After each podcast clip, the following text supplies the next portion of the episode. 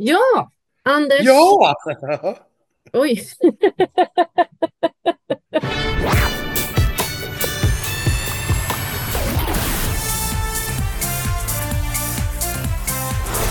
Anders, jag säger varmt välkommen till eh, den allra sista deltävlingen av Melodifestivalen 2024.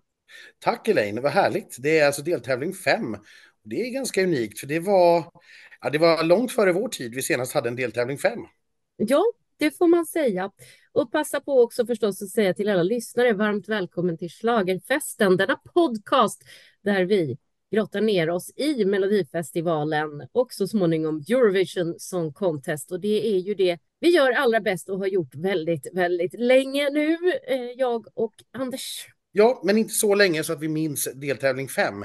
För det var senast 1971 som man hade en femte deltävling. Så det är ett ganska nytt påfund, det får man säga. Men va? Hade de ens deltävlingar på den tiden alltså? Ja, det, man hade ju det. 1971 hade man ju deltävlingar. Det var samma artister i alla deltävlingar. Det avgjordes i Hylands hörna om jag minns rätt. Nu, nu tar jag det här från minnet så att det är inte säkert att det är helt, helt faktuellt korrekt. Men jag tror det. Och om jag minns rätt så var det Tommy Körberg, Sylvia Vrethammar och Family Four som var med i alla deltävlingar och sjöng varsin låt. Eh, och så fick eh, tittarna, eh, vad heter det, vykortsrösta genom att skicka in till eh, tv. Sen följde ju sig så att Family Four vann alla fem deltävlingar, så det var bara de med i finalen så småningom eh, ja. med sina fem bidrag. Men eh, ja, 1971 hade man också en, en deltävling nummer fem. Mm. Nu är det inte bara tre låtar, nu är det sex låtar, de allra sista sex låtarna i år, så nu har vi ju hört vinnaren, oavsett vem det är, någon av de tidigare veckorna eller den här veckan. Direkt efter deltävling fem kommer ju också det helt nya formatet finalkvalet eller kvalfinalen. Eh, och den ska vi också prata om såklart och försöka reda ut hur den här går till och hur, hur man räknar de rösterna som inkommer. Jag kan berätta att i övrigt så är det ju eh, historiskt eh, också med eh, Marcus och Martinus eftersom att de, denna norska tvillingduo, då är den enda helt utländska akt som för andra gången ställer sig på Melodifestivalscenen. Eh, och de är ju redan historiska då de blev den bäst tangerade utländska akten någonsin tillsammans med Arja Saijonmaa förra året när de kom på sin andra plats. Jo, det kan också bli chans för dominans till kvinnorna i år, Anders. Och det här är ju någonting som vi gillar väldigt mycket. Va? Fem av de åtta hittillsvarande finalbidragen framförs nämligen av kvinnliga artister redan, det vill säga 62,5 procent. Om ytterligare två kvinnliga bidrag nu kvalificerar kvalificerar sig till någon av de här fyra återstående finalplatserna så blir den kvinnliga andelen av finalbidragen 58,3 och det är den högsta noteringen sedan 2009. Det är du. Det är inte illa. Nej, det har ju varit en viss kvinnlig dominans och det är ju kvinnlig dominans även på topplistorna får man ju säga, därför att efter lördagens sändning så på den stora listan då, Spotify, så hade vi ju Melodifestivalen på plats 1, 2, 4 och 5 och det var bara kvinnor. Vi hade Fröken Snusk på plats nummer 1, det var Lia Larsson på plats nummer 2, gick direkt in med 30 KMH. Den kanske inte hade, gick så bra i tävlingen, men går desto bättre på listorna. Lagunilla på fjärde platsen och Scarlett lyckades knipa en liten femteplats här på på Spotify när den listan kom ut. Sen eh, har några av de här sjunkit lite därefter under veckan såklart. Eh, och de får, kommer säkert att få en revival när folk sätter på sina mellospellistor igen till helgen. Men där är det stor kvinnlig dominans. Mm, otroligt roligt tycker jag. Innan vi kastar oss in så ska vi väl som vanligt titta på om det har hänt någonting i Eurovision-land den här veckan då, Anders. Om det har, Elaine. Hej! Ja, eh, vi hade ju den, eh, ja, kanske inte den stora snackisen i Europa, men i alla fall någonting som vi tycker är lite småroligt och fnittrar lite åt, nämligen finalen av Una Voce per San Marino. Nej! Det vill säga San Marinos uttagning som efter sju sorger, 24 auditions, fyra kvartsfinaler och två semifinaler lyckades få fram en vinnare. Och det här blev, och nu är det viss reservation för uttalet här, för jag vet inte riktigt. De är spanska, så jag uttal, antar att gruppen ska uttalas Mejara. Eh, och deras låt heter 11 kolon 11 och jag vet inte riktigt man säger det på spanska, once kolon once eller någonting. Ja, det låter väl korrekt. något liknande i alla fall. Det är en performance rockgrupp. De tävlade faktiskt i Benidorm Fest förra året i Spanien. Vilket alltså gör att vi nu har situationen att Spaniens bidrag tävlade i Una Voce per San Marino förra året och i år får de tävla för Spanien. Och tvärtom, eh, de som i år tävlar för San Marino var med och tävlade i spanska uttagningen förra året. Så de har man liksom bytt där helt enkelt. Men det är väl superbra att man kan göra ja, det. Ja. ja, det tycker jag. Sen avgjordes i söndags finalen av Dora, det vill säga Kroatiens uttagning och där vann mycket riktigt den stora favoriten eh, Baby Lasagna med sin låt Rim Tim Tagidim. Vilket ja. ju inte på något vis är kroatiska utan helt enkelt är en tralala. Eh, det här handlar om eh, en kille då, Baby Lasagna själv, som flyttar hemifrån och eh, ja, för nu är han stor kille och han har minsann sålt sin ko sjunger han bland annat. han sjunger också den fantastiska textraden Bye mom, bye dad, meow cat, please meow back. Jag älskar det! Ja, den är, det är så dumt så att det inte går att inte älska det. Och den här har ju klättrat på oddslistan nu för slutsegen i Eurovision, så den är faktiskt andrahandsfavorit bakom Ukraina efter segern i Kroatien. Eh, och jag tror inte att det finns någonting som förenar Eurovision-fans i Europa och i världen mer än längtan efter en vecka i Kroatien i maj nästa år. Och längtan efter lasagne tror jag också kan förena oss. Så kan det vara. Så kan det vara. Mm. Eh, den här veckan händer också naturligtvis jättemycket grejer. Vi börjar ju närma oss upploppet här. Det är ju den 11-12 mars som Head of Delegations samlas i Malmö för det stora mötet och då ska låtarna lämnas in. Mm. Då blir det definitivt. Det betyder inte att man måste släppa dem offentligt. Det bestämmer ju varje land för hur de, hur de vill göra. Men de måste lämnas in och vara klara. Så att nu på torsdag, det vill säga imorgon, eller ja, när nu lyssnar på den här podden, då kommer vi att få både Schweiz som kommer att släppa både sin låt och artist. Vi vet ingenting om Schweiz än. Nej, eh, Nederländerna vet vi kommer att ha sin artist Host Klein. Eh. Hans låt kommer att heta Europappa. Men vi får höra hur den låter på torsdag. Cypern, eh, där vet vi också att Silja Kapsis ska göra låten Liar och den får vi också höra hur den låter på torsdag. På fredag, då kommer Österrike att släppa sin låt We Will Rave som ju bland annat svenska Jimmy Åke Törnfeldt har skrivit. Och där är det Kalin som ska sjunga den. Den har ju läckt sedan tidigare så vill man rota reda på den på nätet redan nu finns den. Vill man göra det lagligt så får man vänta till på fredag. Ja. På fredag släpper också Olly Alexander sin låt Dizzy som ska tävla för Storbritannien i år. Den ser vi också mycket, mycket fram emot att få höra i fullängdsformat. Det har ju varit lite av en snackis redan i tävlingen eh, att, ja, att en så stor artist som Ali Alexander representerar eh, Storbritannien och att det dessutom på den lilla, lilla snippeten han har släppt har varit ganska lovande kan jag tycka. På lördag är det dags för final i Island som har kört två stycken semifinaler de två senaste helgerna. Eh, och det är också final i Serbien som kör semifinaler nu på tisdag och torsdag den här veckan. Så att det är mycket som händer den här veckan eh, från torsdag till och med lördag. Men eh, ska vi helt enkelt fokusera på det vi gör bäst, det vill säga Melodifestivalen och prata om deltävling 5 istället? Ja, men det är väl lika bra Anders. Det känns som att du är taggad på det, så vi kastar oss in i det. Och när vi är klara med det, eh, då ska vi ju också ägna ett, ett långt professor Anders avsnitt till hur finalkvalet går till och det ser jag mycket fram emot, så stanna kvar för det. Två gäster har vi dessutom den här veckan. Marcus och Martinus har förgyllt eh, vår dag en liten stund och så även Robin Werner som är mannen bakom Elektra. Det är nästan fyra gäster faktiskt om man tänker efter. Ja, faktiskt. Det, så kan man ju... tre och en halv. Ja. ja, mycket lyxigt.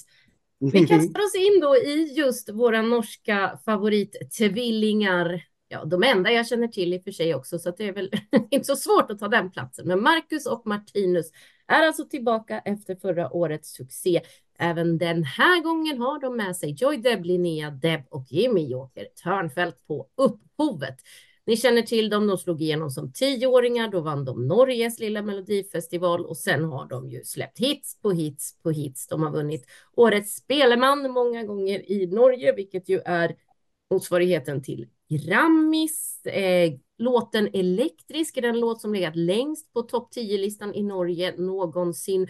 De vann svenska Masked Singer 2022 och det var då de bestämde sig för att satsa på en karriär här i Sverige istället och blev signade här hos oss. De blir nu 2024 de allra första tävlingsartister att i den moderna Melodifestivalen uppträda i den femte deltävlingen. Ja, och eh, vad kan vi förvänta oss av detta då? Jo, det kommer att bli fyra stycken dansare med på scenen. Eh, det beskrivs en massa om att vi ska ha Eh, rörliga väggar, fyra stycken, som kan flytta på sig och byta positioner.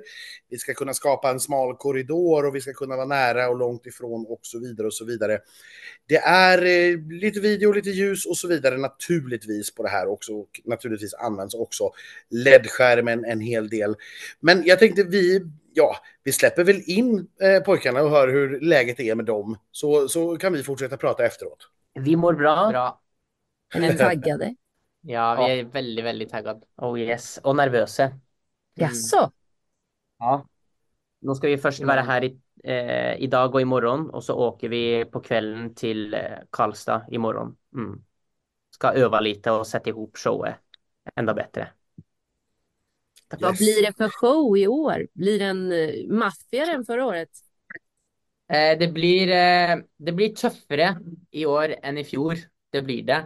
Eh, det är lite samma vibe som Air, men jag vill säga att det är mycket tuffare, eh, mer dansing och ja, ett väldigt bra show, det vill jag säga. Jag skulle vilja backa bandet lite och, och, prata lite om förra året också, för jag brukar göra det med de som kommer tillbaka. Nu när det har gått ett år, vad, vad minns ni från förra året och hur känner ni nu inför det som ni gjorde förra året?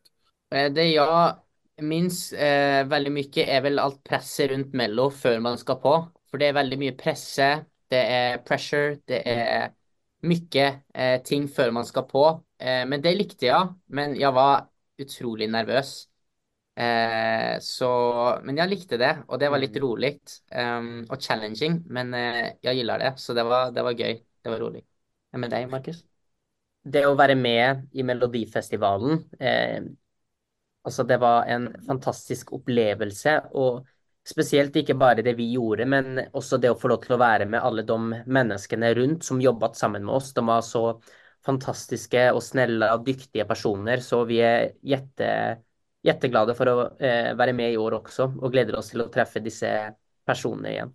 Hur, hur snabbt bestämde ni er för att ni ville vara med igen? Alltså det, det var inte så snabbt. Alltså vi, vi vill ju alltid ha den rätta låten eh, vi ska vara med igen på Mello. Vi, vi hade inte tackat ja hvis vi inte hade haft den rätta låten eh, mm. igen, selvfølgelig. Ja. Um, så det kommer ju eh, till syvende och sist på det. Eh, men vi føler att vi har en låt som passar gott in. Eh, vi ska laga ordentlig show och stämning i Karlstad, så det kommer till att bli väldigt roligt. Ja, ni jobbar ju med samma team nu igen. Kommer det att komma fler låtar som ni har skrivit ihop? För jag gissar att ni har suttit i ganska många sessions. Ja, ja vi, vi jobbar ju mycket med den för vi var med på Mello. På eh, första också. också. Så mm. Eh, vi har masse, mycket, mycket, mycket sånger med dem som inte är released, som sannolikt kommer till att bli released också. Och så blir vi nu... in the future också, så då blir det säkert mycket sånger. Ser vi, ser vi fram emot.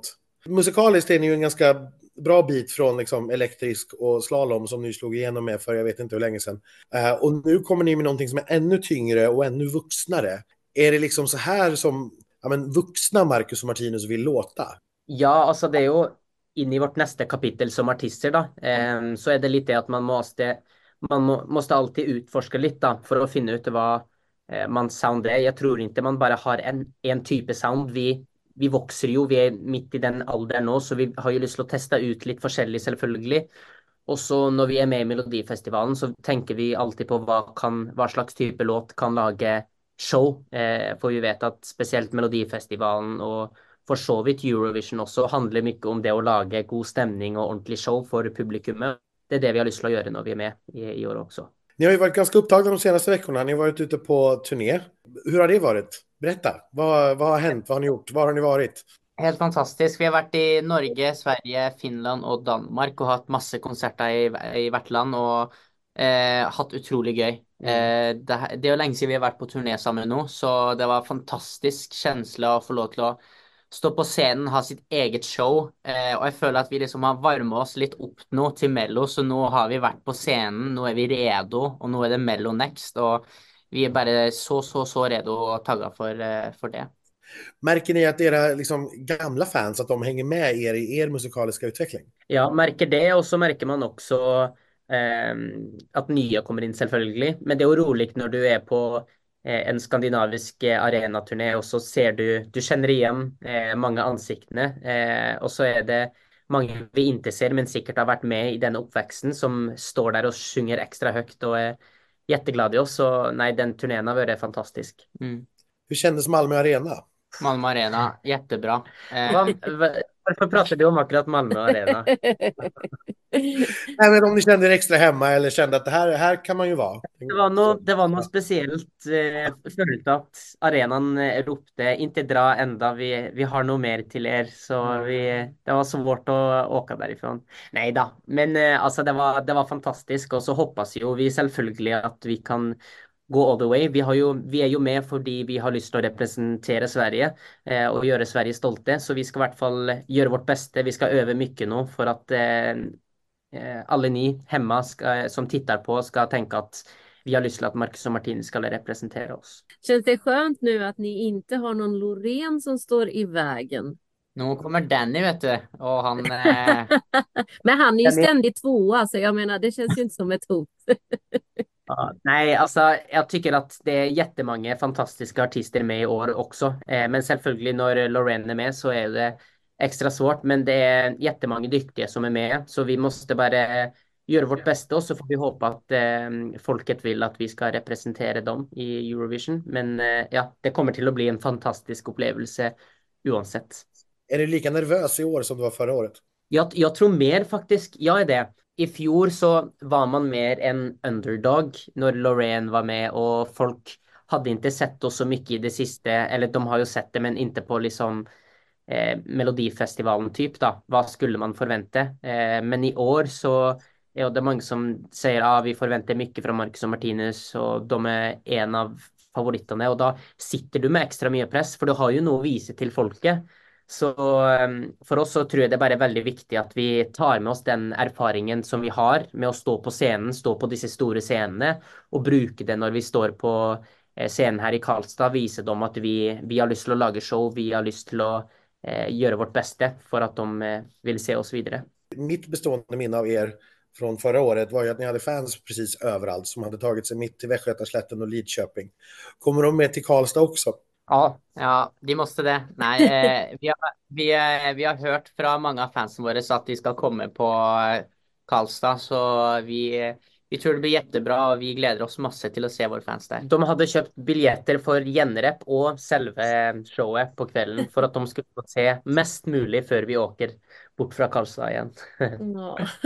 Det är ju nästan hemmaplan för er, för det är ju väldigt nära Norge. Ja, det, det er veldig nærme Norge, men hvis det er norske folk som kommer dit, så kan jo ikke de røste på oss hvis de kommer i Karlstad. det är sant. Vi håper at, vi håper at både svenske og norske kommer. Vi, vi skal bare ha det rolig der. Det er vårt fokus. Ja, man blir ju inte annat än glad när man pratar med de här killarna, Anders. Eh, det är fantastisk energi och, och så norskan, ja, det, den är ju glad. Så är det ju. Ja, man, blir- man blir ju på gott humör av norska. Det, det går inte att komma ifrån, så är det. Även om de lägger sig till med lite svenska här och där, det hör man. Det gör En de. del, en del ord har de förstått att det förstår inte vi. Nej, och så har de ju och de förstått, förstått det här med att roligt, det är göj. Så det säger Ja. de ju nu och menar inte alls lugnt, utan eh, roligt på svenska. Nej. En- Men vad tycker vi om detta då? Ja, alltså först så tycker jag, eh, jag tycker att det är så kul, för du var ju inne lite på det innan intervjun här med allt som ska hända på scenen. Det står så mycket ord va, i effekter och rekvisita som man inte Mm. förstår, men allting låter ju väldigt, väldigt häftigt. Eh, och låten är ju också väldigt, väldigt häftig. Så det är ju inte så konstigt att numret då också borde vara häftigt. Det här är ju min närmsta referens. Den är ju Swedish House Mafias Greyhound. Och då är det många som sätter i halsen när man säger, men så är det faktiskt, så tung är den. Ja, men jag, jag håller med. Det, det är nog min närmsta referens också. Och vill man då vara... Då finns det ju två sätt att se på det. Antingen så tycker man ju då att oj, vad modernt för Melodifestivalen. För ett Mm. så tungt house-sound som vi får nu, det har vi ju inte haft förut. Det här är ju, alltså, Och då ska vi ändå komma ihåg att ja, vi tyckte att In the Club var väldigt tungt när det kom. Eh, och vi tyckte, att, vi tyckte faktiskt att Alcazar också var väldigt, väldigt tungt och häftigt när det kom för 20 år sedan. Så att Mello ligger ju lite efter, för det är klart, det här kanske är ett sound som inte riktigt lever sitt bästa liv just nu utanför den här tävlingen. Men för Mello så är det ju oerhört progressivt att ha med den, det måste man ju säga. Eh, men jag tycker att det är en bra uppföljare, därför att de fortsätter, vi pratade lite om det i intervjun också, det här förvuxningen så att säga mm. av Marcus Martinus. Att det blir ett vuxnare, tyngre, klubbigare sound eh, som de just nu då eh, är ute efter. Och jag eh, tycker att det är helt rätt väg att gå. Man har tagit samma, samma spår som Air, men man har gjort det tyngre och mycket mer och tycker jag väsentligt bättre faktiskt. Ja, och verkligen inte en liksom carbon copy, utan det är ju en helt annan låt, men med samma sound. Eh, om inte bättre, precis som du säger. Det, det får jag nog ändå hålla med om. Jag, jag, jag satt nog lite med hakan i, i knät när jag hörde det här första gången. Jag tycker det är otroligt härligt. Jag tror vi återkommer väl med tippning senare, för det är klart, det här är ju lite grann så. De flesta tror jag delar känslan som jag har att vi har kanske inte hört den där låten som man känner, där hade vi en vinnarkandidat än. Nej, nej. Och då ska ju de lite grann komma den här veckan. Ja, annars och det är inte omöjligt att det är så. Eh, för det här känner jag att här har vi en vinnarkandidat. Ja. Eh, och vi kan väl redan nu säga att det kommer en till. Mm. Och då är det ju dessutom så roligt att ja, men det är sista deltävlingen och här är det också då de två stora skivbolagen som brukar vara med i Mello, det Warner Music och Universal Music, som också står mot varandra mm. på något vis. Och jag tror, ni som var med oss förra säsongen kommer ihåg vår intervju när vi pratade mm. med Robert och Jennifer från eh, Warner och Universal de här två är tävlingsskallar. Mm. Nu känner de nog också att de är inne på upploppet och liksom ska spela ut kanske sina starkaste kort. Jag tror inte det finns någonting i världen de inte är beredda att göra just nu för att just deras akt ska eh, liksom ta hem det här. Ja, det, det, är en liksom kamp i kampen här som jag tycker är ganska spännande. Jag ville bara slänga in den där eh, när vi ändå pratar om Marcus och Martinez. Så för mig är det här absolut nu en vinnarkandidat. Och ja. det, är ju ingen, det är ingen nyhet, de har legat etta på oddset hela tiden. De har snarare stärkt den, den positionen äh, allt eftersom veckorna har gått, snarare än att någon annan skulle ha närmat sig. Ja, och jag måste säga att jag tror inte att man kommer att bli besviken på det här numret heller. Det känns inte som du säger med den bakgrunden du ger som att det här kommer bli sämre av showen. Lite som det blev med Danny där man förväntade sig att det skulle bli bättre av showen och så blev det inte det. Den besvikelsen tror jag inte kommer infinna sig här, utan jag tror snarare tvärtom här också, förstås helt utan att veta. Ja, vi får se det första gången på torsdag, så då kommer vi att veta mer. Men eh, ja. För att ni ska få en liten härlig koll via grabbarna själva så ska ni nu få ett mycket förvirrat Anders snabbisar också.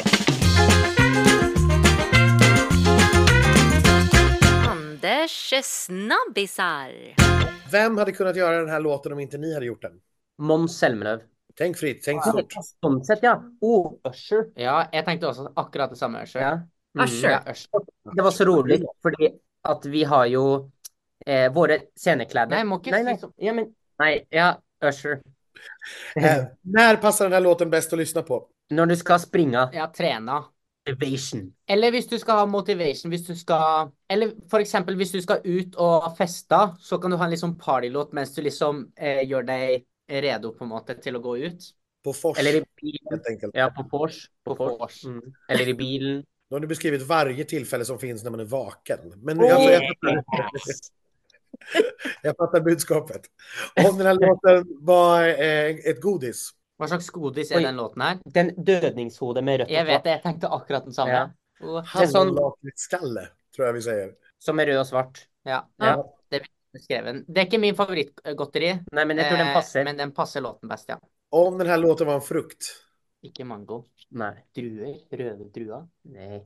Granatäpple? Nej. Jag vill säga röda druer. Liksom nej, men de är så snälla och små och söt. Granatäpple? Nej, nej, nej. What? Nej. Icke granatäpple? Nej, nej, nej, nej, nej, nej. absolut inte. Jag ville, jag, ville, jag ville hellre ha sagt en päre. Ja, men päre är så snällt. Den låten här är granatäpple. Nej, nej. Okay. Då vill jag säga rips. Det är i hvert fall søtt og lite. Jeg sier røde Men det är ju druer. surt. Min, min opinion røde druer. Det kanske är ett fruktfat, hörni. Det, Ja. Lips. det vet inte jag vad det är. Vad är det? Vinbär. Ja, ja, Okej, nu vet vi. precis. Jag håller med om den. Tack. Jag kan ändå förstå, jag kan ändå förstå granatäpplegrejen, alltså att man biter i det och så kommer det ut någonting som exploderar. Jag kan, Så granatäpple var bra, ikke sant? ja, men jag kan, den kan jag förstå. Den är, ja, När du kommer till droppet så exploderar det lite som what? What is this? ja, ni behöver inte vara överens heller. Det är ju helt okej att vara olika. Ja, man, man behöver inte vara överens. Det behöver man inte. Det är väl, brorsor ska väl inte vara det heller, tänker jag alltid. Så det här blir väl jättebra. Inte för att vi blev klokare, tror jag. Men så är Nej, det. får helt enkelt bara ta oss på vårt ord. Det är bra. Jag tror Ja. att vi nöjer oss där helt enkelt. Nu kan vi kasta oss vidare i tävlingen. Vi ska träffa debutanten som ju faktiskt kommer från Karlstad, typ Chelsea Mucho. Ja, men exakt. Hon är 26 år, har ju då sina rötter i Burundi från början, men har kom till Sverige som sjuåring och därefter växte upp bland annat då i Värmland. Eh, Det här är första gången för henne i Melodifestivalen, eh, naturligtvis, höll jag på att säga, därför att det är inte ett namn vi känner igen. Hon gör bidraget Controlla, eh, som är skriven utav eh, Fernand MP, Carl Flykt, Chelsea Mucho själv, Elsa Carmona Oljelund, Pa Modou, som vi ju känner igen från Panetos, Mm. och Anders Wrethov, eh, denna bekanting. Mm. Här kommer vi ju då att eh, röra oss in mot ja, men afrobeat. Eh, hon själv säger att hon lyssnar väldigt mycket på reggaeton, dancehall, den sortens musik. Men här ja, börjar hon nu föra in afrobeat på riktigt. Och på riktigt menar jag att här kände jag också att ja, men nu är det nog lite afrobeat. Det som CJ gjorde tidigare i tävlingen kanske kändes lite mer svenskifierat. Det här känns lite mer äkta, skulle jag vilja Håller säga. med. Håller verkligen med. Eh, det här är ju också musik på riktigt, höll jag på att säga. Nu ska jag inte vara elak mot Sijo, det var ju absolut en låt, men den kändes väl kanske lite mer barnvänlig och Lejonkungen och så här. Och det här känns ju faktiskt som en riktig modern eh, afropop. Eh, Den bekantskapen jag nu har med det, jag är inte jättevandrad i den världen förstås. Nej, jag tänker verkligen inte låtsas om att jag eh, på något vis kan afrobeat. Men det jag vet om det här numret är i alla fall är att vi kommer att ha eh, väldigt mycket dansare. Eh, vi kommer att ha sex dansare förutom Chelsea själv. Eh, Vi har en e egen koreograf, Cheryl Ingabir, som har varit med och dansat på scen tidigare med just Panetos. Det är beskrivet som eh, dansanta rörelsemönster som växlar mellan gruppformationer runt, artister, eh, runt artisten och enklare steg där publiken kan hänga med. Och det det, är ju uppskattat. Ja, det gillar vi. Ja, och sen kommer färgerna gå som ni nästan tror jag kan se framför er i gult och orange. Så det kommer ju bli varmt, glatt, härligt, mysigt. Eh, lite upptempo och lite skön vibe på detta. Jag måste faktiskt säga att jag var positivt överraskad av den här låten. Den var mycket bättre än vad jag hade kunnat förvänta mig på förhand. Sen kanske jag tyckte att den var lite, vad ska jag säga, slät. Alltså trots att texten är extremt upprepande så fastnar den liksom inte i alla fall. Utan det här var liksom bara ett litet mysigt sorl som pågick lite. Och jag liksom, ja men jag skakade lite fot höll jag på att säga, men stampade lite fot till det. Men nej, jag kommer inte ihåg det efteråt, det gjorde jag faktiskt inte. Jag, jag ska ge en modern referens igen, men den blir lite flummig, för jag har inte stenkoll. Men eh, Tant är ju ändå på TikTok en del, tror det eller ej. Och där är det en viral låt som man då kan göra danssteg till.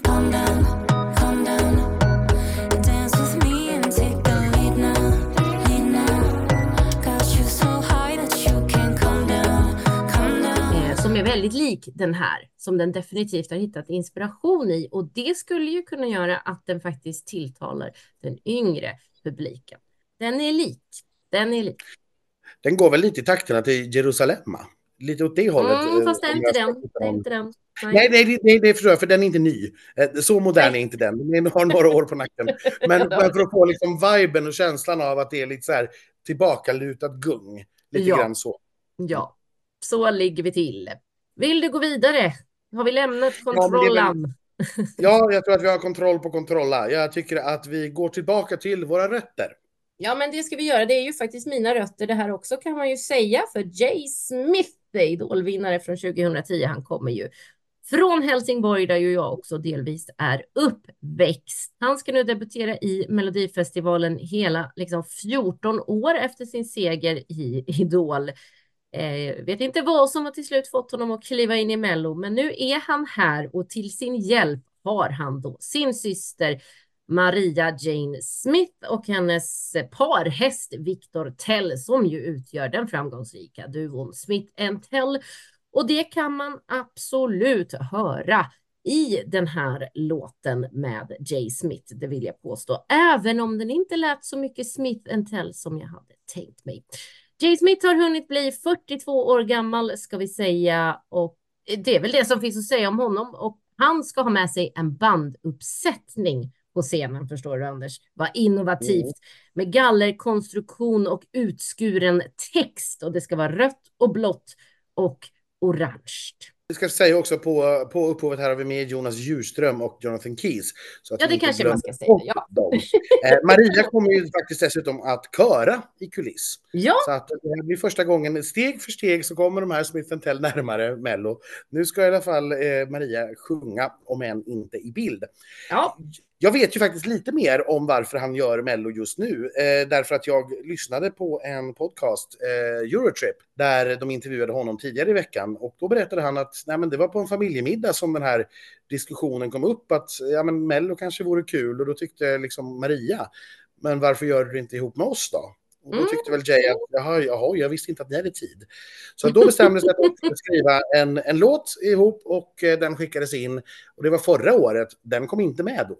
Eh, men sen uppmanades de att skicka in den i år, eller till årets tävling igen och nu hade de då bättre tur.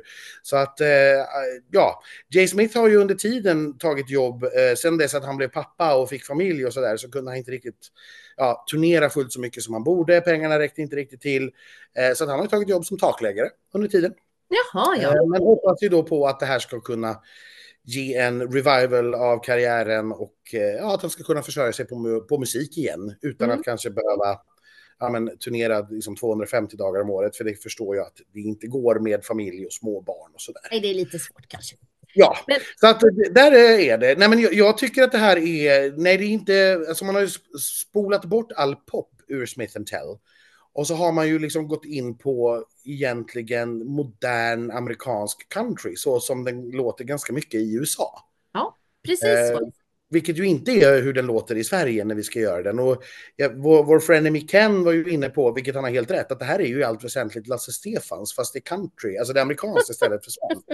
Och så har man bytt ut naturligtvis fiolen mot en banjo. Ja, eh, men ja. i övrigt så fyller det exakt samma funktion. Och mm. jag, jag, tycker att det är, det är en väldigt bra och liksom passande beskrivning. Sen ska jag den första säga att det här är inte min påse. Jag har svårt för den här sortens av countrymusik. Jag har till och med varit i, i Nashville eh, och jag tyckte att det mest var oväsen överallt. Eh, men med det vill jag ha sagt att jag hör, jag hör ju att det här är kvalitet. Jag hör ju att det är otroligt duktiga låtskrivare bakom. Jag hör att det här är up to date. Jag förstår och tycker att det är jättekul att den här musiken också får plats i Mello. För det är en liten utveckling av liksom fake country som vi har lyssnat på tidigare, svenskifierad country. Så mm. här ska den låta. Ja, och det stämmer alldeles utmärkt. Det är jag som nu då jobbar inom radio och har, eh, har lite mer koll på lite olika eh, stilar. Sådär. Mm. Jag kan säga att det här låter väldigt mycket som den country som vi ändå börjar importera till Sverige nu med Casey Musgraves och Luke Combs som har liksom legat på våra radiolistor i ja, månader nu med sin countryversion av Fast Car. Så att jag tror ändå att Sverigepubliken kan vara väldigt redo för den här typen av riktig country. Ja, vi får se. Det, det tror jag också. Vi minns ju Jay Smith att han har en fantastisk sångröst.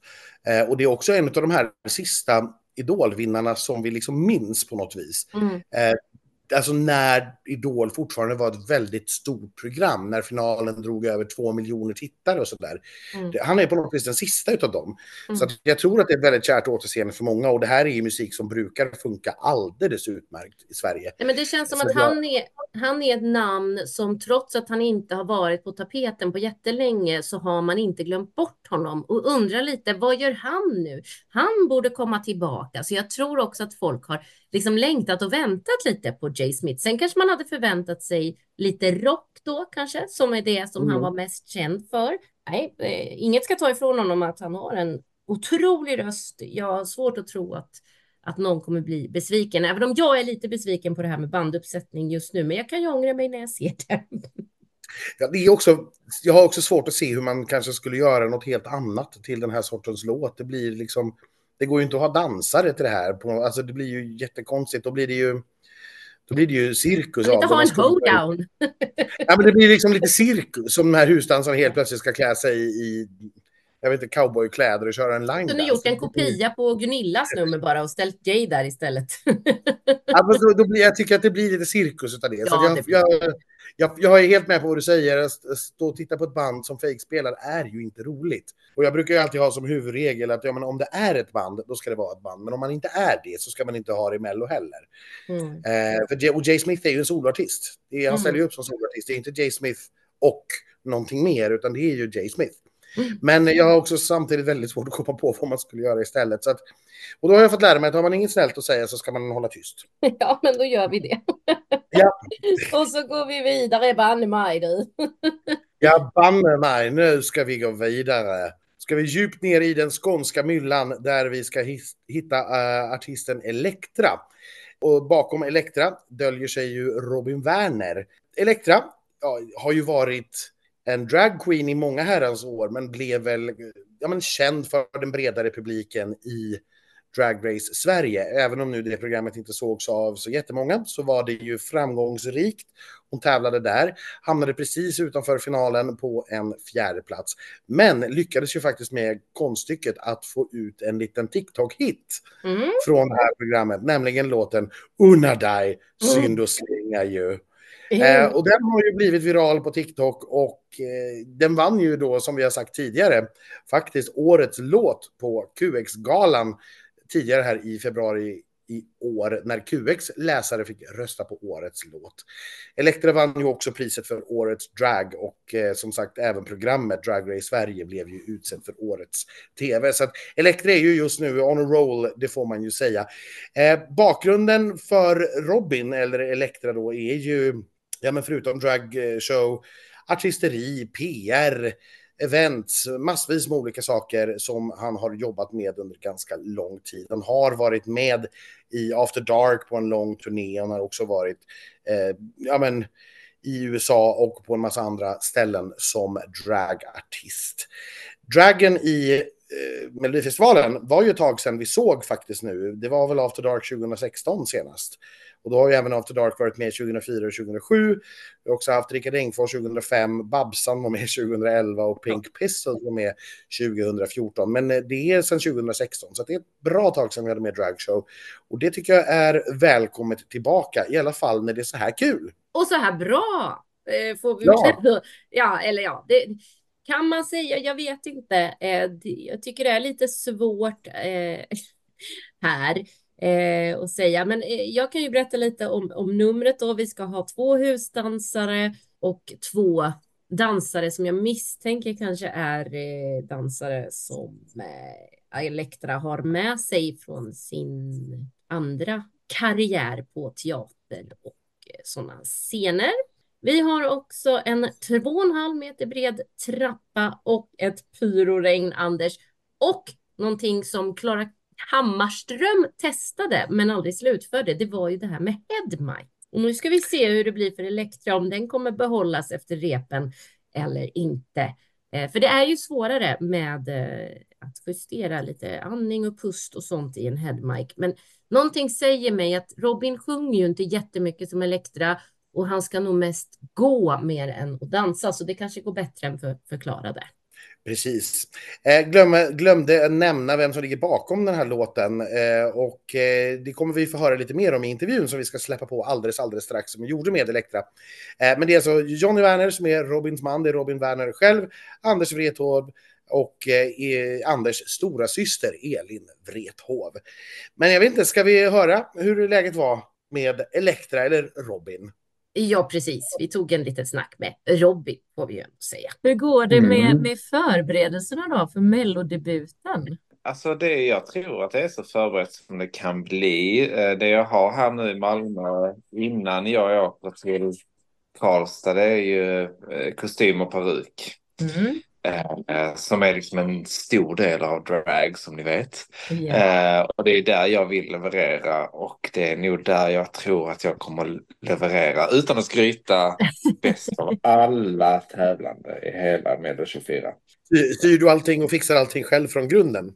Nej, jag gör inte det själv, men jag har, jag har ju bra, bra eh, kontakter och kollegor så i, i branschen. Och ehm, The Wilburys, jag vet inte om ni känner till dem. De är ju en liksom avantgarde duo, eh, kostymmakare, konstnärer. Eh, de gör min kostym efter en vision jag hade. Den innehåller bland annat över 20 000 kristaller som är eh, fästa en och en. Wow, Ska det vara, ska det vara. det kommer Vissa glittra. Det kommer att glittra om något. Show blandat med fashion, blandat med extravagans. Alltså det blir väldigt, väldigt häftigt. Ja. Så. Ja, Vågar man hur- fråga vad den här outfiten kostar? Ungefär lika mycket som att byta en värmepanna när man har ett hus.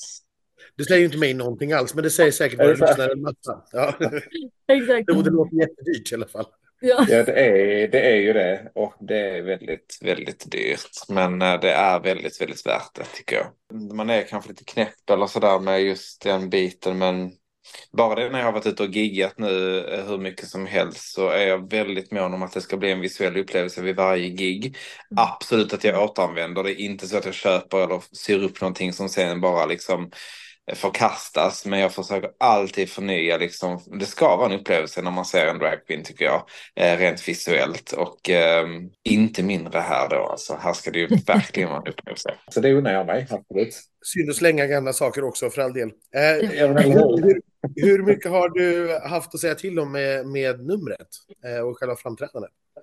Ganska mycket faktiskt. Första nummermötet med eh, SVT.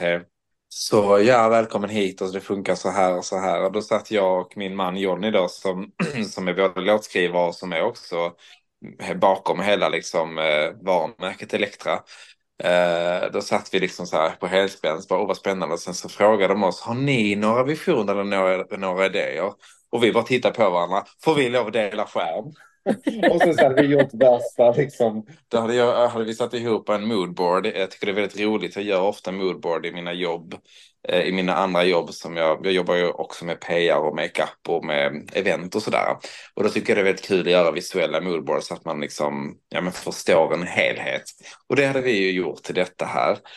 Jag måste faktiskt säga att de har liksom tagit in ja, men typ allt. De känner sig väldigt tacksamma att vi hade så många idéer och eh, bra idéer då också för att eh, de gör ju så otroligt många nummer och jag kan tänka mig att det kan ju ske lite idétorka liksom ifall inte artisterna själv har idéer. Allting ska ju kännas unikt. Hela Elektra-brandet är ju inte en poptjej utan jag ska ju vara lite, alltså det måste ju vara den här hallåja, alltså så. Och då kan man liksom inte hålla på för mycket.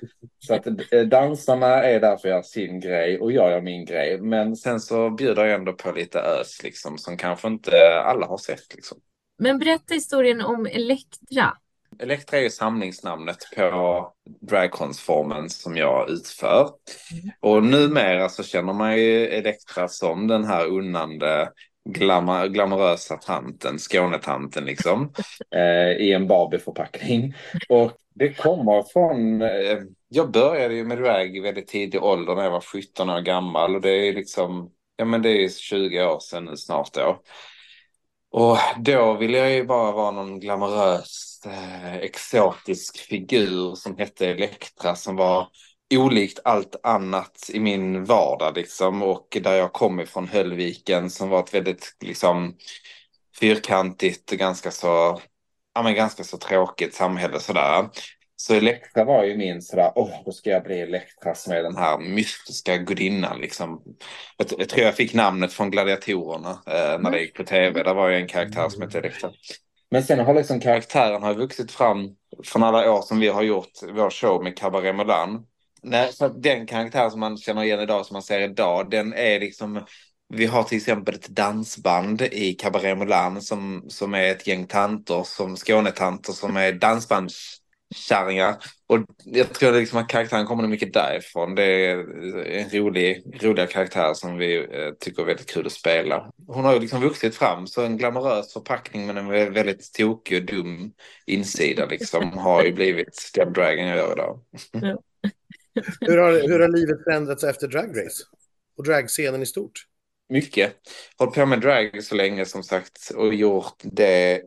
Men efter Drag Race så var det ju som att väldigt många ville liksom ta del av dragkonstformen eh, på nytt. Eh, sådär. Eh, vi har ju varit bortskämda med att ha superfin dragshow i Sverige i många, många år med After Dark och Babsan och sådär som har varit väldigt folkliga. Och jag tror att i alla fall efter, för min del i alla fall, så, så har det ju blivit liksom att, eh, ja, nej men eh, att drag, eh, att man vill ha med det liksom in i, i rutan igen eller i, liksom, i media igen. Och på klubbar och på event och allt möjligt. Eh, och jag är väldigt tacksam att jag har fått ta jättestor del utav, utav framgången för programmet. Liksom, och, eller så, att min karaktär är uppskattad. Så det har ju varit, ja, från att, eh, nästan varje helg liksom, under hela 2023 så var jag ju ganska uppbokad från det att unna dig eh, blev mm. stort. Mm. Så ville alla unna sig. Trodde du att den skulle bli så stor? Absolut inte. Men det är väldigt... På galan till exempel. Ja. ja! Det är så knäppt. Alltså, tänk Loreen vara nominerad och Kylie Minogue och Ellen Kraus. Alltså, vad hände liksom? Nej, det är så knasigt. Det är jätteroligt. Vi eh, blev så, så eh, ställda och glada, jag och, och Jonny då som, som, eh, som, vi har, som jag har poddat ihop låten med och skrivit. För det var ju liksom vår Cabaret Moulin-humor, vår, vår eh, interna humor, liksom den humor som vi alltid har kört här hemma när vi lagar mat. Ja, synd att slänga den här, de här resterna ju. liksom det är lite så vi är, eller som vi alltid har skojat och att man är liksom på stan och ska vi unna oss en bit kaka så härmar man sin mormor och sin farmor. Och så där. Det, är liksom, det ligger så djupt inrotat och alla våra nära vänner de kan ju detta. Så när, de fick se det så var ju de så här, ah, så jävla roligt, det här är liksom vår interna grej. Och sen så bara märkte man att så många fler eh, tyckte att detta var kul liksom. Så då blev det så här, ja. Men det, ja, så det, det är ett jättefint kvitto på allt jobb man har lagt ner i så många år liksom. Är banne mig lik Unna dig skulle du säga? I musikstilen så är det inte så likt. För banne mig är mycket mer, det är en modern, modernare låt. Mycket mer dansant och mycket mer um, poppig och modern liksom. Innehållet, alltså det är många som tycker det har varit så här um, kulturskribenter och sånt som tycker att det är ett stort djup i unna dig och det var liksom inte alls hur jag tänkte från början, men det kanske det är. Men banne mig känner vi från början är liksom ett viktigt budskap. Mm. Eh, för somliga kommer ta det till sig direkt och känna liksom wow, att man liksom eh, står upp för utanförskap och för vårt community och för alla som kanske inte har haft det så lätt liksom. Och sen för Anna kommer bara känna liksom, ja, oh, unna dig och banne mig, det här var roligt och den här är kul att mm. sjunga med liksom. Och sen så för resten så hoppas jag bara att man känner så här, La Dolce Vita, vad härligt detta är. För den är så pass svängig så att jag så här hoppas någonstans att ah, det var 20 år sedan La Dolce Vita eh, var med i Melodifestivalen. Kan detta bli liksom Alltså jag vill aldrig säga att det där nya Dolce Vita för att det där är liksom kult, ikoniskt så. Men... Um, kan bli det här decenniets La Dolce Vita? Men kanske. Mm. Vi får se. Mm. mm. Hur kom idén eh, till Mello? Eh, och den här låten, hur föddes den? Du har skrivit den, eller ni har skrivit den ihop med Anders och Elin Wrethov. Vem ja. tog kontakt med vem? Eh, jag fick ett DM av Anders Wrethov och visste inte vem det var. jag, nej, men jag nej, säg inte det, blir han så ledsen. det var under den tiden när Unna dig exploderade. Jag fick så mycket så försökte jag ändå gå igenom för jag ville svara och tacka folk som liksom skrev att det var kul och sådär. Och så visade jag Jonny, så jag bara, det här är en som har skrivit här, Anders, som vill träffas och som vill skriva någonting och kanske skicka till Mello. Vem är det här? Och han bara, skämtar du? Jag bara, vadå? Är han trevlig eller? Så, så han eh, var ute i god tid liksom. Eh, och sen så strax därefter så eh, skrev jag med Universal och liksom ehm, eh, blev artistsignad där. Och, eh, men vi höll kontakten med Anders och uh, Universal var ganska så snabba med att men vill inte du göra Mello? Liksom. Jag bara jo, och vi har ju faktiskt redan pratat med Anders och jag bara, ja men det vill jag ju, men vad, liksom, vad innebär det? Alltså hur kan ni fixa det liksom? De bara, ja nej men eh, det vet vi inte om vi kan, men vi kan ju alltid liksom sådär put you out there. Sen fick jag liksom flera bidrag skickade till mig av olika låtskrivare. Och eh, det presenterades lite olika grejer för, eh, för Mello och sen så presenterades då eh, av Anders själv då presenterades banne mig och så tog de den. Och det häftiga är att banne mig är liksom verkligen born and raised in Skåne, precis som unna dig. Mm. För Anders bor liksom i grannbyn här. Har Mello varit någonting du har tänkt på tidigare? För jag gissar att du ändå har tittat tidigare år och liksom hängt med. Har det varit en tanke som du har haft? Mello har, precis som du säger, har absolut alltid funnits med i ens liv sen man var barn. Liksom. Det, är ju, det är ju liksom det är svensk folklore. Alltså det är så här, det, det är man ju så uppvuxen med och så självklart. Så att, men jag har alltså aldrig, inte sen då, alltså förra året, börjat tänka tanken att det skulle kunna finnas en möjlighet jag tyckte det var så, liksom, när man såg After Dark i Melodifestivalen och sånt, det är, liksom, det är bara de som kan göra, det finns ingen annan dragqueen. Så, och liksom så, Babsan var ju med också, då var man, ja men det är ju de, liksom. men jag kan ju varken sjunga och liksom eh, sådär, utan jag gör klassisk dragshow när man mimar och så, det är liksom min grej. Och så tokiga teaterkaraktärer. Men jag hade inte ens tänkt på att man kunde göra en tokig teaterkaraktär som pratsjunger till en låt. Och det var det jag gjorde med med unna dig och sen så då har man blivit pressad och pressat sig själv liksom också faktiskt ta lite ton. Så att eh, jag ska inte jinxa, jag kommer inte sjunga upp i en aria liksom på eh, Melodifestivalen. Men det kommer bli lite mer sång faktiskt. Mm. Hur har det känts att sitta hemma och titta nu då, de här veckorna som har varit? Är det liksom, nu när det är på riktigt, att nu, nu ska ju du stå där själv? Först eh, så kände jag så här, sista och gud vad lång väntan, vad fan nu vill jag, jag vill göra detta. Och sen har jag varit så otroligt lugn och faktiskt otroligt avslappnad kring det och bara så det här är jag ska verkligen försöka se detta som ett kul gig. För att ut och gigga är ju det roligaste man får vara Elektra och bara... För när man är Elektra så är det liksom... Det är inte jag. Jag kan göra tusan som helst. Det blir liksom bara oftast bara roligt. Eh, och det, den inställningen har jag försökt ha. Men nu när jag börjar titta på det så har jag känt lite så här.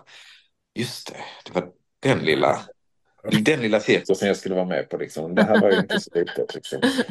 Är det Elektra eller Robin vi kommer få träffa de här dagarna i Karlstad? Kommer det liksom vara mest i karaktär eller kommer det bara... Robin är liksom en så stor del av, av mitt varumärke också, alltså mig mm. själv. Eh, och jag vill också avdramatisera eh, den här lite nya lite konstiga synen på drag som har varit den här som folk tycker är lite läskiga eh, har man förstått. Eh, som verkar ha glömt bort After Dark och Christer Lindarw att, eh, att det kan vara van, vanliga eller så här, jordnära personligheter bakom den här dragfasaden. Så, så för mig så ska jag försöka vara Robin så mycket som möjligt också för att jag tycker att det blir en kul grej med före och efter. Mm. Hur Robin ser ut och att jag är ganska så lugn och kanske kan upplevas som jordnära och sådär. Och sen så kommer spöket Elektra som bara är en karaktär liksom. Så, så, att, eh, så det kommer jag absolut för. Jag kommer vara Robin eh, kanske nästan mer. Vi diskuterade det lite här innan. Hur lång tid tar det att liksom göra sig till Elektra? Ja, nej, men det är ju bara sminket. Det är ju två timmar. Och på smink, alltså på schemat där vi har fått av SVT så bara så här 15 minuter smink. Man bara... Alltså då hinner jag typ, då hinner jag typ lägga upp mina produkter. Men nej, så det är det och sen så ja, men limma peruk och fixa och liksom nåla fast den och du vet vi bygger ut och stoppar in och stoppar alltså där och det tar också sin tid så att alltså två och en halv timme minst alltså. Ja. Och nu när vi har lärt känna både Robin och Elektra lite bättre Anders, ska vi ta och låta Elektra själv svara på hur eller Robin svara på hur Elektras låt låter? Det tycker jag. Anders snabbisar. Vem skulle kunna sjunga den här låten om inte du sjöng den? Hasse Andersson. Du, du, blev, du blev väl lite fnittrig, men ja, det, ja absolut. Mm. När passar det bäst att lyssna på? När man vill eh, uppmuntras. Om den här låten var en grönsak? Ja, vad ska det vara för någonting?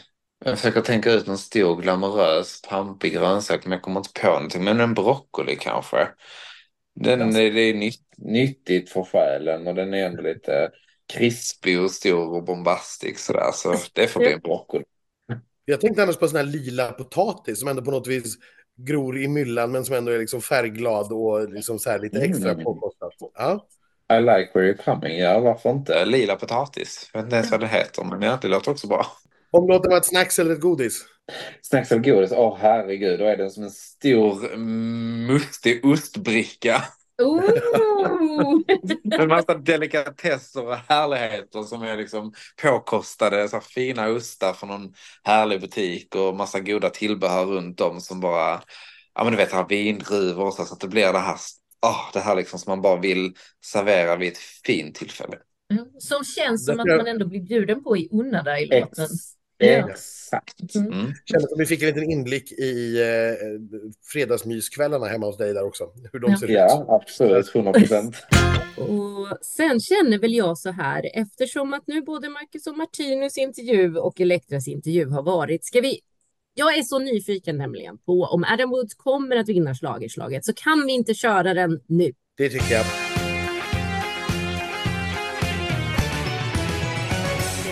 Stora schlagerslaget! Men eh, vad var, vilken score fick vi eh, last year? Minns ni det? Vi måste slå Ja. den. Jag tror ni fick två poäng förra året. Okej, men det var inte bra. Oj, oj, oj. Men Marcus och Martinus känner du till, de är först ut. De vann ju Masked Singer här i Sverige. Vilken karaktär, vilken dräkt hade de? Vadå, var de bara en? Var båda två en direkt? Jajamän. Nej, Jo, inte samtidigt väl? Jo, Jo. Nej, på riktigt? jo. Oj, men då måste de ha varit typ en åsna. Jag hade älskat om det var någonstans. Det var ju en, en spelman med en sån här spelmaskin. Positiv. Så en var satt i veven och en var liksom spelmannen. Är det sant? Nästa ut är ju debutanten Chelsea Mucho. Hon har ju ursprung i ett annat land. Hon kom till Sverige som sjuåring.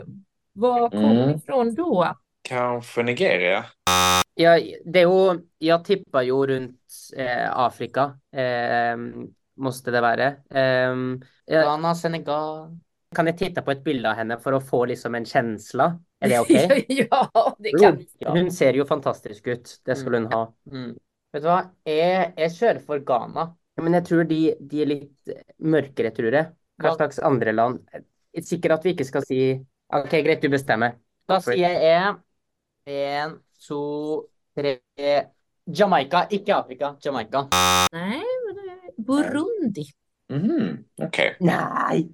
Det var nog inte ens nära, men ja. Burundi? Men du slipper Okej, men jag, jag tycker eh, geografi är jätteroligt. Och jag har bara lust att... Här är Burundi, ja. Okej. Shit. Inte jättelångt från Nigeria, men det är klart Afrika är ju å andra sidan otroligt stort. Jay Smith Mm. kommer ju från eh, samma landskap som dig. Eh, Ja. vilket, vilket år vann han Idol? Men jag kunde inte sagt var han kommer ifrån. Han är från Helsingborg. Eh, vilket år han vann eh, Idol, sa du ja, Mm. precis. Jag tror 2016, men han ska 2012. Och jag vet inte, det känns som att det var ganska länge sedan. Typ så 2016. 2010 var det. Oj, var det så länge sedan? Den fantastiska dragqueenen Elektra kliver sedan in i. Melodifestivalen. Ja, vi älskar henne såklart. Vad heter hennes stora hit som hon bland annat vann årets låt på QX-galan för? Electric.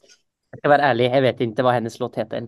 Den heter Unna dig. Eh, vi fortsätter med eh, Idol, för nästa deltagare sen efter dig, det är ju Annika Vicky Halder. Eh, kommer Mm. från Schweiz, deltog i Idol.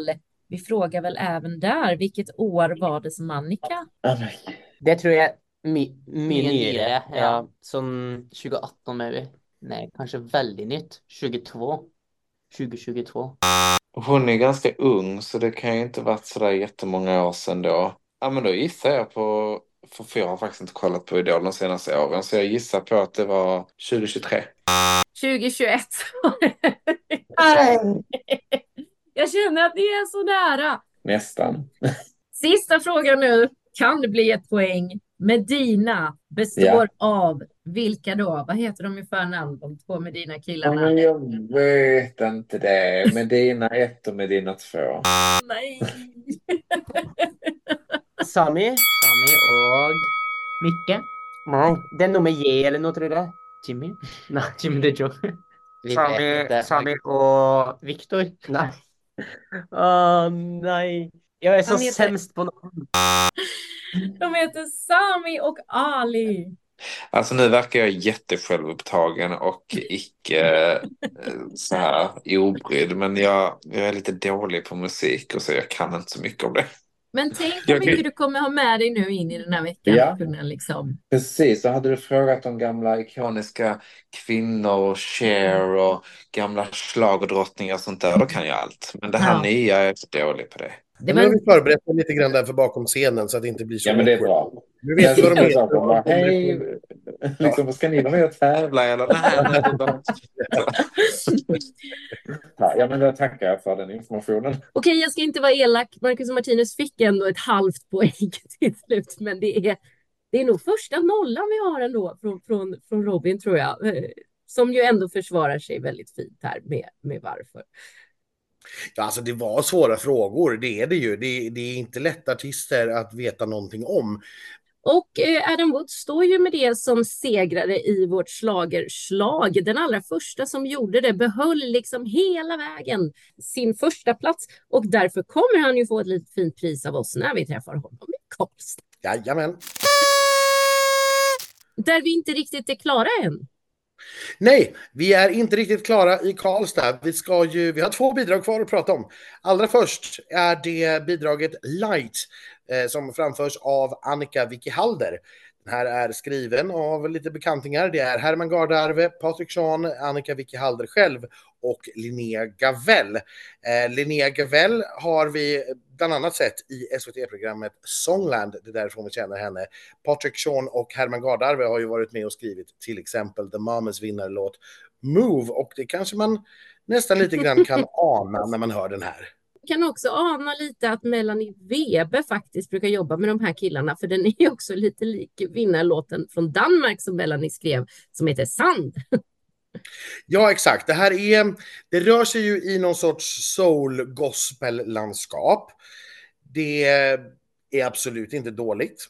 Jag kanske känner att jag har hört det lite grann förut och lite grann till leda. Det är en sån här låt där man nästan lite grann förväntar sig att det ska komma fram en kör och stå i en cirkel. Som ju har Mm. blivit väldigt populärt i Mello de senaste åren. Hittills har vi inte sett det.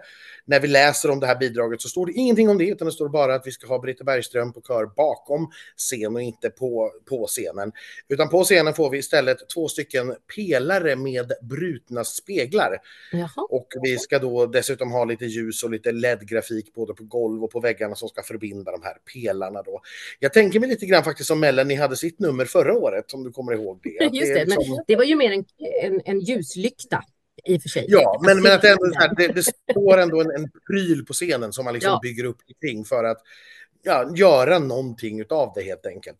Exakt. Annika ska vi väl påminna oss om. Hon eh, såg vi i Idol 2021. Eh, Och redan där imponerade hon ju faktiskt på i alla fall mig med sin röst. Hon Oh ja. Är numera 23 år gammal. Hon är faktiskt född i Schweiz. Oh, det där Eh, jäkla landet som det inte går ut. Ja.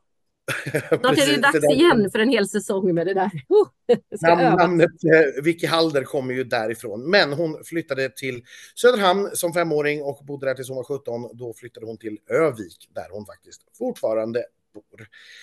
Eh, och ja, vi har inte sett så mycket av henne efter Idol 2021 så att det, det här är väl hennes chans nu då att försöka slå igenom och eh, vi hoppas att hon har hittat sitt sound och vad hon vill göra. Eh, hon säger ju själv att hon är ja, men soul, gospel, pop det, i det landet hon vill vara. Hon släppte en debut-EP Hollow, men den kanske inte riktigt eh, inte slagit igenom på de stora listorna i alla fall, kan man väl Nej. säga. Nej, men det här ska bli kul. Jag gillade verkligen Annika i Idol. Jag tycker hon verkar vara en jättegullig tjej och hon sjunger ju otroligt bra. Jag kanske också som du tycker att låten är lite halvtrist, men vet du vad? Det skärmar oss eh, otroligt. Alltså, jag, jag, hon besitter ju ändå den eh, från Mm. Idol. Jag tror hon kom väl trea till slut, eller fyra va? I, i Idol. Om jag inte minns fel. Någonstans där, jag minns inte Ja. exakt, jag måste googla. Eh, ja, och den har ju ett hemligt vapen den här. Den har ju faktiskt årets bästa tonartshöjning, skulle jag säga. Det, det skulle jag nog intyga, ja. Ja, och eh, här ser vi också i beskrivningen av numret att man kommer att liksom se den här höjningen i, på skärmar och i liksom LED-grafiken. Man kommer att betona den ännu mer även visuellt och sånt gillar vi ju för det, det är ju ett hemligt vapen onekligen. Ja, ja, här kan det ju bli en sån där reaktion som jag hade när Paul Ray gjorde detsamma under sitt första bidrag. Den reaktionen på mig under repet glömmer vi sist. Vi ska vidare då till årets allra sista bidrag, Anders. Och Mm. jag, jag skulle vilja säga att man kanske har sparat det bästa till sist, i alla fall det festligaste till sist. Bidraget Que sera blir dessutom det första bidraget med svensk text som går ut sist i den sista deltävlingen sedan Carolas evighet 2006. Så redan där är det ju bäddat för Bara en sån sak. Ja. Ja, det är ju Medina som är tillbaka med bidraget Kesera. Låtskrivarna är Ali och Sami själva, Jimmy Åker Törnfeldt och Anders Wrethov. När de var med sist, eh, 2022, gjorde de ju en raket och hamnade på tredje plats i finalen med sin In i dimman. Eh, det här är så fantastiskt eh, kul, eh, tycker jag. Det är dessutom en låt på typ tre olika språk som vi ska få här. Det är inte bara svenska, vilket det kanske verkar som. Eh, titeln Kesera är ju eh, spansk och sen kommer det även lite franska influenser. Och det man kommer få se här är ju någon typ av gatufestival. Eh, jag skrattade till lite när jag läste eh, om rekvisitan, för helt plötsligt mitt bland allt så står det cykel. Och trumma. Ja. Och det kommer vara högtalare som fungerar som plattformar med öppningsbara luckor och trappor och det ska vara stadsmiljö och grönt och vitt och lila och turkost och orange och som vi då har hört ryktas ett otroligt påkostat och dyrt pyro. Exakt, det står i, i Melopedia just nu, eventuellt pyroteknik. Och, Ska vi eh, sakna det en signatur där någonstans från någon? Ja, exakt. Alltså det, det är ju helt enkelt så att eh, det här pratades om på efterfesten i lördags i Eskilstuna, att man har beställt enormt mycket pyro, men det behöver godkännas eh, av andra människor. Men det är också lite grann det jag var inne på tidigare, att nu står vi då inför det här sista bidraget. Här är då Warners bidrag i den här liksom, slutkampen på något vis, Mm. the endgame som vi går in mot, eh, medan Marcus Martinus ligger på Universal. Eh, här kommer man naturligtvis att satsa allt. Warner är inte kända för att snåla på sitt pyro. Det är de som tidigare har haft både Aniston, Demina, eh, naturligtvis Medina också, men till exempel Theos som vi Mm. minns. Lia Larsson kommer vi ihåg från förra veckan. Det här kommer det att smälla rejält tror jag och det hjälper naturligtvis till att skapa den här fantastiska festen. Det här tror jag ju verkligen är en låt där hela publiken kommer att stå upp och dansa. För det går inte att sitta still till detta. Nej, nej, och dessutom har det ju tävlingens, årets bästa textrad. Vi tänker leva la vida, sen får det bli vad det blir va? Ja, alltså det är Ja, så den är briljant. så genial.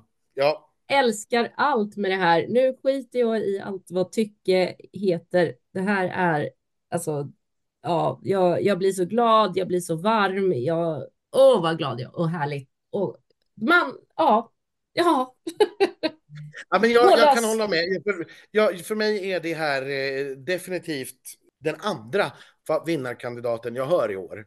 Mm. Eh, det är två stycken och båda två har nu hamnat i den här deltävlingen. Det är Marcus och Martinus och det är Medina. Vi kan väl kalla dem för de tre M eh, fortsättningsvis. För mig står de här två låtarna lite grann i en klass för sig. Sen Mm. har vi jättemånga andra låtar som jag älskar naturligtvis. Alltså även Elektra i den här deltävlingen till exempel älskar jag ju på sitt sätt. ja. Men som utvinnare i den här tävlingen så för mig är de här två helt överlägsna faktiskt i den kategorin. Och äntligen så smäller det till lite grann. Det är någonting Mm. som jag känner att ja, men här har vi ju faktiskt potentiella toppbidrag till Eurovision. Kanske inte som vinnare, men åtminstone en riktigt, riktigt hög och fin placering. Eh, och någonstans i mig, vi har pratat om det ti- tidigare, jag tycker ju att det vore otroligt roligt med en låt på svenska för första gången på, ja, sen, ehm, ja, när var det? Jill Johnson 98 var den senaste svenska artisten Nej, som sjöng. 2000, nej, just det. Man, man gjorde, nej, 2006 eh, skrev man ju faktiskt om, ja. Ja, ja, ja. Ja, och även 99 skrev man om den. Just Så att det. vi har ju haft vinnarlåtar på svenska tidigare, men då har man översatt dem till engelska. Det. Det. har jag Mm. försäkrat mig om med teamet bakom, att om den vinner så kommer den inte att skrivas om, utan den kommer att framföras då på svenska. eh, Och, Franska ja, och franska. spanska. Och jag vet inte, möjligen att det också är italienska. Det kan vara lite svårt att skilja på spanska och italienska i text. Eh, vissa saker heter ju likadant. Så Ja. att, äh, men jag, jag är helt, helt matt inför den här. Och jag, om vi ska börja hoppa dit redan nu då till tipp- tippningen. Jag kan inte för mitt liv föreställa mig något annat scenario än att det är Marcus och Martinez och Medina som tar de här två finalplatserna. I ordning, ja men det Mm. ligger väl mest eh, närmast att tro att det skulle vara Marcus och Martinus som tar den första platsen för att deras fans kanske är lite yngre. Det finns fler röster helt enkelt där. Mm, mm. Eh, Medan då i så fall Medina skulle få gå till final på poäng. Och då kommer vi ju till en annan käpphäst jag har haft här att ingen deltävlingstvåa har någonsin vunnit Melodifestivalen. Nej, just det. Och det är en sanning med en viss modifikation faktiskt. Eh, därför att 2019 så hade vi en sista deltävling i Lidköping där John Lundvik vann deltävlingen väldigt tajt före Bishara. Just Men då hade vi ju inte systemet att vi ropade ut en vinnare på flest antal röster först. Nej. För det var nämligen så att Bishara hade lite, lite fler röster än John Lundvik. Men John Lundvik var lite bredare i ålderskategorierna, vilket gjorde att John Lundvik stod som vinnare av den. Men med dagens system så hade Bishara varit deltävlingsvinnare och då hade John Lundvik varit tvåa. Återigen i den sista deltävlingen Ja. och då därifrån lyckas gå och vinna. Mm. att, eh, det är inte på något vis kört bara för att man kommer tvåa här, utan det har hänt tidigare. Och eh, lite grann det vi pratade om för många veckor sedan vid det här laget, att tvåorna ju hamnar lite grann i vakuum. För de, Ja. ja, men de ses inte som vinnarkandidater, men de får heller inte släppa låten. Nej. Nu får ju låten släppas. Klockan 21.30 på lördag är alla låtar fria att släppas och spelas vart som helst, hur som helst. Eh, så det är inte heller ett problem. Så att just därför att de är i deltävling 5 så kommer ju den här striden, tror jag, stå sig hela vägen fram till finalen. Ja. Om det nu blir då som jag tror att det är de här två som, som tar platserna. Men jag har väldigt svårt att se något annat. Ja, alltså Medina var väl faktiskt deltävlingstvåa förra gången också, men lyckades ju till slut få en tredje plats. Men då var de ju också i deltävling fyra om jag inte misstar. Ja. Och förra året hade vi Smash Into Pieces som kom trea, Mm. trots att de då var tvåa i den sista Just deltävlingen. Så Mm. just, just den där sista deltävlingen, att man får släppa låten direkt efter, är den riktigt avgörande skillnaden, tror jag. Mm. Eh, I det fallet. Bakom det så tror jag att Jay Smith är ganska ohotad trea. Det känns Mm. i alla fall så på pappret. Sen ska vi titta på det och vi ska se det, eh, hur det ser ut naturligtvis. Men eh, det, det känns så att kvalitetsmässigt så är det liksom lite grann i en egen liga. Och sen har vi då i vanlig ordning den här fjärdeplatsen som är lite grann up for grabs. Mm. Just nu kan jag nog känna att det kanske är Chelsea Mucho som ligger närmast. Eh, men eh, jag kanske hoppas mer på Elektra för att jag tycker att det är kul. Mm. Den sortens låtar som går in lite grann på kulkontot har ju faktiskt kommit fyra de senaste Oj, veckorna. det. Mm. absolut en möjlighet. Eh, och sen ska vi inte heller förringa liksom, eh, Annika Vicky Halders röst. Eh, det sa vi redan vecka ett med Lisa Ajax. Mm. Människor som sjunger väldigt bra går sällan dåligt i den här tävlingen. Och Dear Sarah lyckades ta sig till en tredje plats med en liknande typ av eh, låt. Tjej som sjunger bra, ensam på scen. Så att det är inte helt omöjligt. Jag tycker det, det är otroligt öppet den här fjärdeplatsen. Men om vi ska vara helt ärliga, kanske den också är ganska onödig. Eller vad tror du, Anders? Nu är det dags att prata lite finalkval. Ja, det här är ju som sagt ett helt nytt format som vi går in i nu. Alla treor och fyror från de fyra tidigare veckorna plus de som vi får med oss här i Karlstad kommer att göra upp i en extra halvtimme som sänds direkt efter deltävling 5. Och vi ska väl börja med att försöka reda ut då hur i hela friden går det här till. Ja, tack.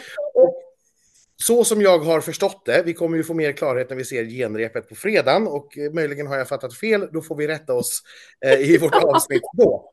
Men så som jag har förstått det så kommer alla bidragen att presenteras eh, med en poängsumma som de har med sig från sin deltävling. Så vi kommer alltså få en rankinglista på de här tio bidragen när vi börjar finalkvalet. Mm. Eh, Och hur det här är den poäng... då? precis, poängsumman är 1000 poäng som man har fördelat på de här 10 bidragen utifrån hur många röster de har fått eh, i sin deltävling. Och för att det här då ska bli rättvist så att man inte har tävlat i en deltävling med jättefå tittare jämfört med någon annan till exempel, så har man räknat ut ett genomsnitt per röstande. Så låt mig ge ett exempel. Om du tänker dig att ett bidrag fick en miljon röster och det var 500 000 röstande enheter i den deltävlingen. Mm. Då hade ju det bidraget två röster per röstande i genomsnitt. Just det. Men om istället ett annat bidrag hade 900 000 röster eh, en vecka när det bara var 400 000 röstande enheter. Då är ju 900 000 röster i och för sig färre än en miljon. Men per röstande så hade den här eh, bidraget 2,25. Och får då fler poäng, I guess. Och kommer precis att få fler poäng när vi startar. Oh, så att summan av alla de här poängen är 1000 poäng. Eh, och det beror helt enkelt på hur starka de har varit relativt varandra. Förmodligen kommer de att ligga någonstans, gissar jag, mellan 70 och 130 poäng allihop. Eh, någonstans i det. Men wow. då ska vi, på, vi ska påminna oss att deltävling 1 hade 460 000 röstande enheter. Deltävling 2 var ju den som verkligen stack ut med 589 000 röstande enheter. Deltävling 3 567 000 och deltävling 4 555. Så de var ganska jämnstarka. Men deltävling 1 hade betydligt färre röstande enheter. Och deltävling två hade betydligt fler. Och då beror ju det helt enkelt på, ja vad beror det här på? Är det så att det är väldigt många människor som har gått in och röstat på till exempel då Fröken Snusk som ju har ägt mm. listorna. Då kommer ju hon att ligga ganska långt före redan när vi går in i tävlingen. Vi ska heller inte bli förvånade om det är så att flera deltävlingsfyror ligger före sin deltävlingstrea. För den kan ju mycket väl ha fått fler röster än sin Just deltävlingstrea. Det. Just det. För nu tar det... vi bort allt som har med ålderskategorier att göra helt plötsligt. Exakt, och tittar bara på antalet röster i förhållande till hur många som röstar i tävlingen. Ja, det är ju för att det ska bli rättvist, men det är klart, det blir mer komplicerat. Det finns ja. ju också, kan vi säga, för de som redan nu känner att det här orkar jag inte. Man kan ju bara liksom strunta i hur det går till och bara liksom följa med the flow och titta. Ja, okay, ja, nu, nu har det här bidraget 83 poäng. Och Kanon! Mycket bra. Ja, Men, okay. Den valmöjligheten finns ju. Därefter kommer vi få se en snabbrepris på alla tio bidrag. Jag tror att det är 40 sekunder vi kommer att se och de har valt själva vilken del av sitt bidrag som kommer att visas. Just det. Eh, och då börjar vi rösta igen. Eh, och då ska ytterligare tusen poäng uträknade på precis samma sätt fördelas. Det kommer att fördelas nerifrån och upp på Eurovision-maner. Så att den som ligger då tia efter sina deltävlingar kommer att få sin poäng först. Och så kommer vi då till slut få ett resultat där de två som har fått flest poäng eh, går till final. Det känns ju väldigt invecklat och, och, det som jag tycker det här är ju, vi har ju alltid tjatat om det här med att åh, vad tråkigt att vi ska åka på en vecka och se bidrag som vi redan har sett en gång till. Men i år skulle jag vilja påstå att det är typ första gången jag ändå hade velat se alla igen. Jag hade velat se hur man hade pimpat till det, hur man hade växlat upp för det är så många roliga bidrag i kvalfinalet just i år. Och det är inte det typiskt att vi har det precis ett år när vi inte får skruva upp och ändra. Jag, jag skulle säga som så här att eh, av de här tio så är det nog kanske två jag skulle vilja se igen. Där är vi lite olika, ja, absolut. Mm. Eh, det, det, finns flera som jag absolut inte känner något behov av att titta på eh, fler gånger eller mer än en snabbrepris, eh, rent personligen. Sen, nej men det här är ju en motsättning naturligtvis. De har ju haft problem i alla år med just den här femte veckan. Hur ska man göra med den? För att mm. SVT vill inte släppa en vecka och korta ner sin tävling, utan man vill ha sex veckor. Skivbolagen vill ju ha maximal exponering för sina artister. Mm. Men man vill ju heller inte att det ska kosta pengar. Jag har pratat med eh, skivbolagsrepresentanter som säger att jo, men det är klart vi kan åka och uppträda, men då kostar ju allt pyro en gång till. Dansarna som vi har engagerat, då mm. kostar ju de en gång till. Så att skivbolagen vill ju ha exponering utan extra kostnad. Och det får de ju nu då, kan man säga. Ja, de får ju inte så mycket exponering, de får ju bara en snabbare pris på samma. jo, jo, men... Jag, jag, jag, tror att det skivbolagen helst kanske skulle vilja är att man fick se hela numret en gång till. Ja, det skulle bli eh. väldigt långt bara. Ja, väldigt långt och det skulle, det skulle ju vi som tv-tittare inte tycka var så jäkla roligt och det skulle Nej. framförallt inte gå att sälja några livebiljetter till det. Nej. Så att det är ju en massa motstående intressen här som man ju fortfarande inte riktigt har lyckats navigera rätt, känner jag.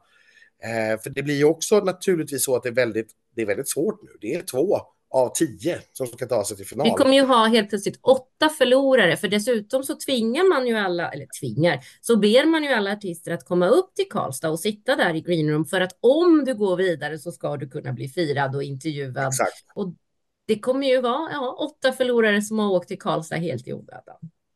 Så är det ju och det är ju lite jobbigt kanske. Å andra sidan går man in med rätt inställning så får man väl se det som en, ja, en weekend i Karlstad helt enkelt och så tycker jag att det är lite roligt kanske. Sola lyser alltid. Ja, men det sägs ju så eh, i alla fall. Men om man ska försöka se på och tippa det här, ja men det är ju väldigt svårt naturligtvis innan vi vet med säkerhet vilka två som kommer därifrån från Karlstad. Jo, fast det är Men en fördel tror du att ha varit i den femte deltävlingen. Det var ju där någonstans jag inledde den här eh, kursen. Ja, och, det- och, det, och det sa vi redan för eh, liksom, ganska många veckor sedan att så, så är det förmodligen och det tror jag alla är överens om att det som tittarna ändå så sent som för 40-45 minuter sedan såg live hela numret sitter ju färskare i minnet än det som är längre tillbaks än så. Och sen Mm. tror jag att det där är en fallande skala så att jag tror att liksom vecka fyra har nog en fördel över vecka tre och vecka tre har nog en fördel över vecka två. Mm. Men vi har ju också faktiskt i synnerhet en låt som har ägt topplistan sen den släpptes och det är Fröken Snusk. Och det är också den veckan där vi såg ett massivt liksom, eh, peak i antalet Ja. röstande. Mm. Så det ligger väl väldigt nära till hands att tro att Fröken Snusk kommer att ta en av de här finalplatserna. Sen kan vi bli förvånade, men ja, eh, så kan det ju mycket väl vara. Sen vet man ju inte. Folk kanske har liksom värmt upp till Gunilla och föredrar Gunilla framför Fröken Snusk nu helt Ja. Eh, eller så är det något annat som man kommer ihåg och som man liksom är verkligen sugen på. Men det är väldigt svårt att säga någonting innan vi har de här från Sista Karlstad. bitarna på plats. Ja, och det kommer vi ju inte att- kunna göra något avsnitt om. Nej, utan det det, får vi göra på söndagen. Bara några minuter som vi har däremellan. Så att nej, eh, men det ligger väl nära till hands att tro att i alla fall någon av trean, fyran i Karlstad. Eh, jag Och tänker Fröken Slusk är de två som går därifrån. Ja, just, Mm. just nu så skulle jag säga att det är Jay Smith och Fröken Snusk som jag skulle sätta mina pengar på om man hade kunnat spela på det. Ja, mycket intressant blir det i alla fall. Och kul ändå, får man väl ändå säga, att de faktiskt kuskar dit artisterna. För desto fler för oss att hänga med. Det kommer bli en superfest i Karlstad, det är jag helt övertygad om. För dessutom brukar ju vi som är på turnén se det här som lite sista veckan. För sen när man är i Stockholm, då blir det inte riktigt samma sak och så där. Så att jag tror att Karlstad kommer bli årets core memory. Ja, men så, så är det väl. Eh, Det är klart, vi ska komma ihåg att det är 14 artister som nu då ska, eller 14 akter som ska upp till Karlstad. Mm. Eh, av dem kommer fyra vara glada. Tio kommer att vara förlorare. Så att det handlar ju väldigt mycket om vilken, vilken attityd de artisterna går dit med, om det är så att de överhuvudtaget är sugna på att hänga med någon överhuvudtaget. Men det är klart, fredagskvällen finns ju alltid. Då är ju fortfarande Ja. alla vinnare. Jag kan tänka mig att trösta Adam Woods lite grann om det skulle vara så. Det känns som att jag har fått en sån här mammarelation till honom. Så att vi, jag kan ta någon timme av festen till det och sen kommer han och festar med oss, jag lovar. Vi får hoppas på det. Ja, men det ska väl vi kanske packa våra väskor då, eller vad tycker du? Ja, det är väl så För dags. sista Och- gången den här året, redan. Ja, för sista gången. Ja, det går ju otroligt fort de här veckorna. Men eh, vi ses i Karlstad, Elaine. Det gör vi. Du åker dit redan på torsdag och tar hand om eh, minglet. Ja, och repen på fredagen som ni följer på Instagram naturligtvis. Och sen hörs vi igen sent på fredag kväll eller lördag morgon.